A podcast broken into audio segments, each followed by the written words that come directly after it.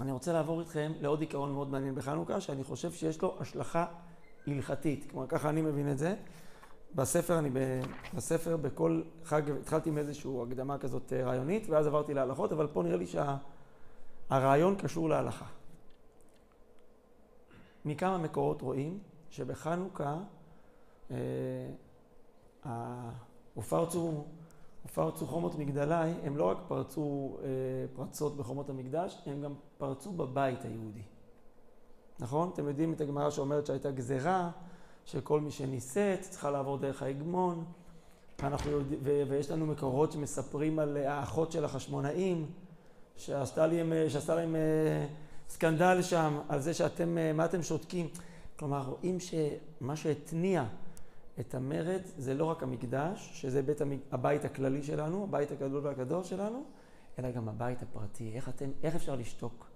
הבית היהודי זה דבר כל כך קדוש, וטהרת הבית, אז רואים את זה גם, גם מהסיפור של יהודית, וגם מה, מהגזרות האלה של החשמונאים.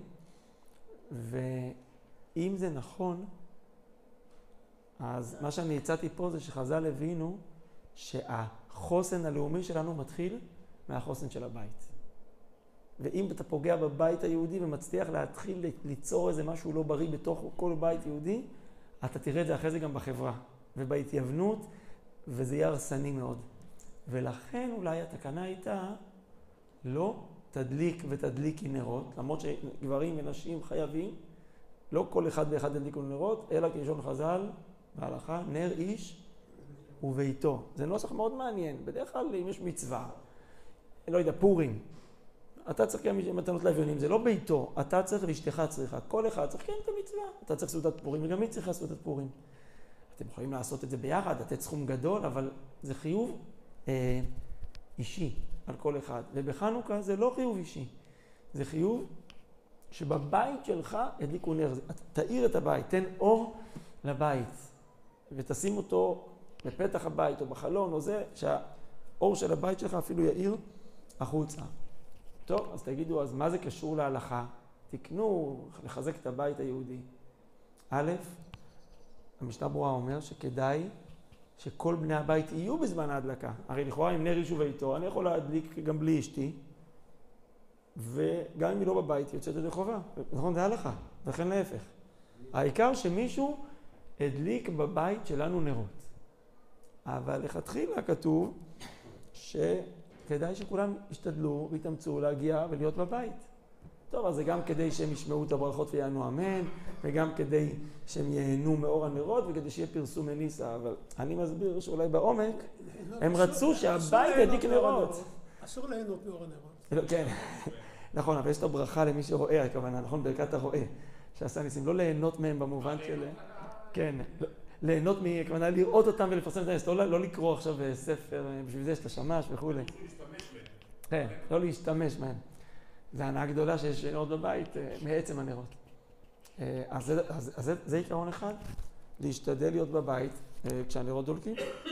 שתיים, שאלתי פה בספר, האם אישה תחכה לבעלה שיחזור מהעבודה להדלקה, או שעדיף שיתדליק בזמן. לכן להפך, לפעמים אדם עם כל הרצון להגיע בחמש, בשש, וזה, הוא לא יכול, הוא במשמרת, אם משמרת, מגיע אה, בתשע. עכשיו עולה השאלה, לחכות אה, ארבע שעות שיגיע, או להדליק בזמן. הפוסקים נחלקו בזה. ראיתי כמה וכמה פוסקים, והרב זילברשטיין, הדליק בזמן, העיקר להדליק בזמן, וזה הכי חשוב. אה, מה? כן. אולי הילדים נמצאים. אני בספר לא אמרתי ככה, כי שוב, אני מבין, ואני גם חושב שזה די מורגש בחנוכה, שיש פה איזה עניין משפחתי. נכון? אז, אז, אז באמת, אז א', יש מחלוקת הפוסקים, ואני גם סבור שמצד עיקר הדין, רגל מן השוק היום זה לא בדיוק חצי שעה מהשקיעה, זה בחמש ורבע עוד, גם אחרי חמש ורבע עוד מסתובבים אנשים ברחובות. אמנם פה במושב, בשונה מהעיר, או מרחובות מרכזיים בעיר, אם תסתובב פה בשמונה, תשע כבר, לפעמים תרגיש... אה, חוץ מהסיור אתה תרגיש די שקט, אבל עדיין, אני חושב שהטווח של רגל מן השוק אפשר אה, להרחיב אותו. כן. שוב, אני מבין ש, שיש עניין להיות ביחד, ולכן אני כתבתי שצריך להתאמץ להגיע לא בשעה מאוחרת, אבל אם לא הולך, אה, אפשר גם להגיע, להדליק עד בערך שעה תשע בערב, מלכתחילה, ואפשר לחכות כמש... לבן הזוג שיחזור, כדי להדליק נרות יחד כמשפחה. ועל מה התבססתי?